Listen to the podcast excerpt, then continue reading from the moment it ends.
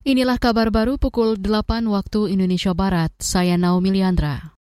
Komisi Nasional Hak Asasi Manusia menyatakan penyelesaian berbagai kasus pelanggaran HAM berat masa lalu tergantung kemauan politik pemerintah.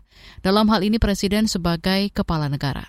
Ketua Komnas HAM Ahmad Taufan Damanik mengatakan, pendapat korban harus menjadi pertimbangan utama dalam memutuskan pendekatan apa yang akan digunakan untuk menyelesaikan kasus pelanggaran HAM berat masa lalu itu nanti akan dipilih dan dipilah mana yang dimungkinkan dengan jalan yudisial. Sebagai contoh, Pania itu sudah kan sedang berlangsung untuk selanjutnya nanti mungkin kita tunggulah di pengadilan. Dan mana yang akan dilalui jalan non yudisial. Contoh misalnya kasus Aceh, itu memang dulu ada kesepakatan untuk dia didorong ke KKR. Nah, mungkin kasus-kasus lain bisa saja itu nanti tergantung diskusi antara pemerintah dengan Komnas HAM, termasuk dengan keluarga korban.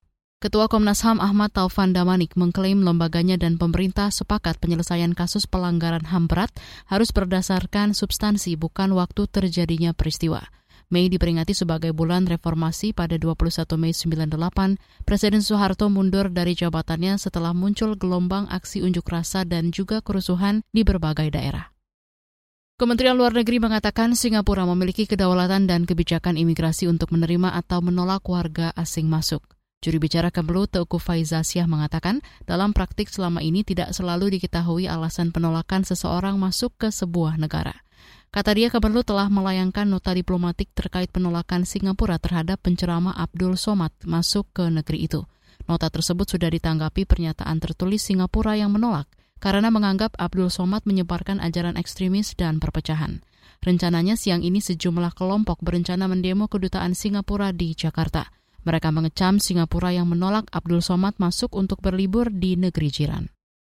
Lembaga Kajian Ekonomi mendorong Bulog berperan aktif dalam rantai distribusi minyak goreng dalam negeri. Kata Direktur Selios Bima Yudhistira, Bulog diharapkan dapat mengendalikan pasokan hingga harga minyak goreng dalam negeri untuk masyarakat. Jadi Bulog membeli minyak goreng dengan harga wajar dari pabrik-pabrik minyak goreng, hmm. termasuk dari BUMN, Kemudian Bulog yang harus menguasai rantai pasok sampai ke pedagang pasar tradisional.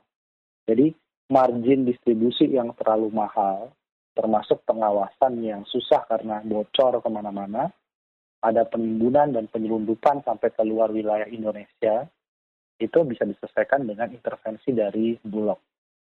Menurut Direktur Lembaga Kajian Ekonomi Selios Bima Yudhistira, Bulog dapat menjadi solusi permasalahan minyak goreng dalam negeri jika diberi kesempatan untuk bekerja lebih keras.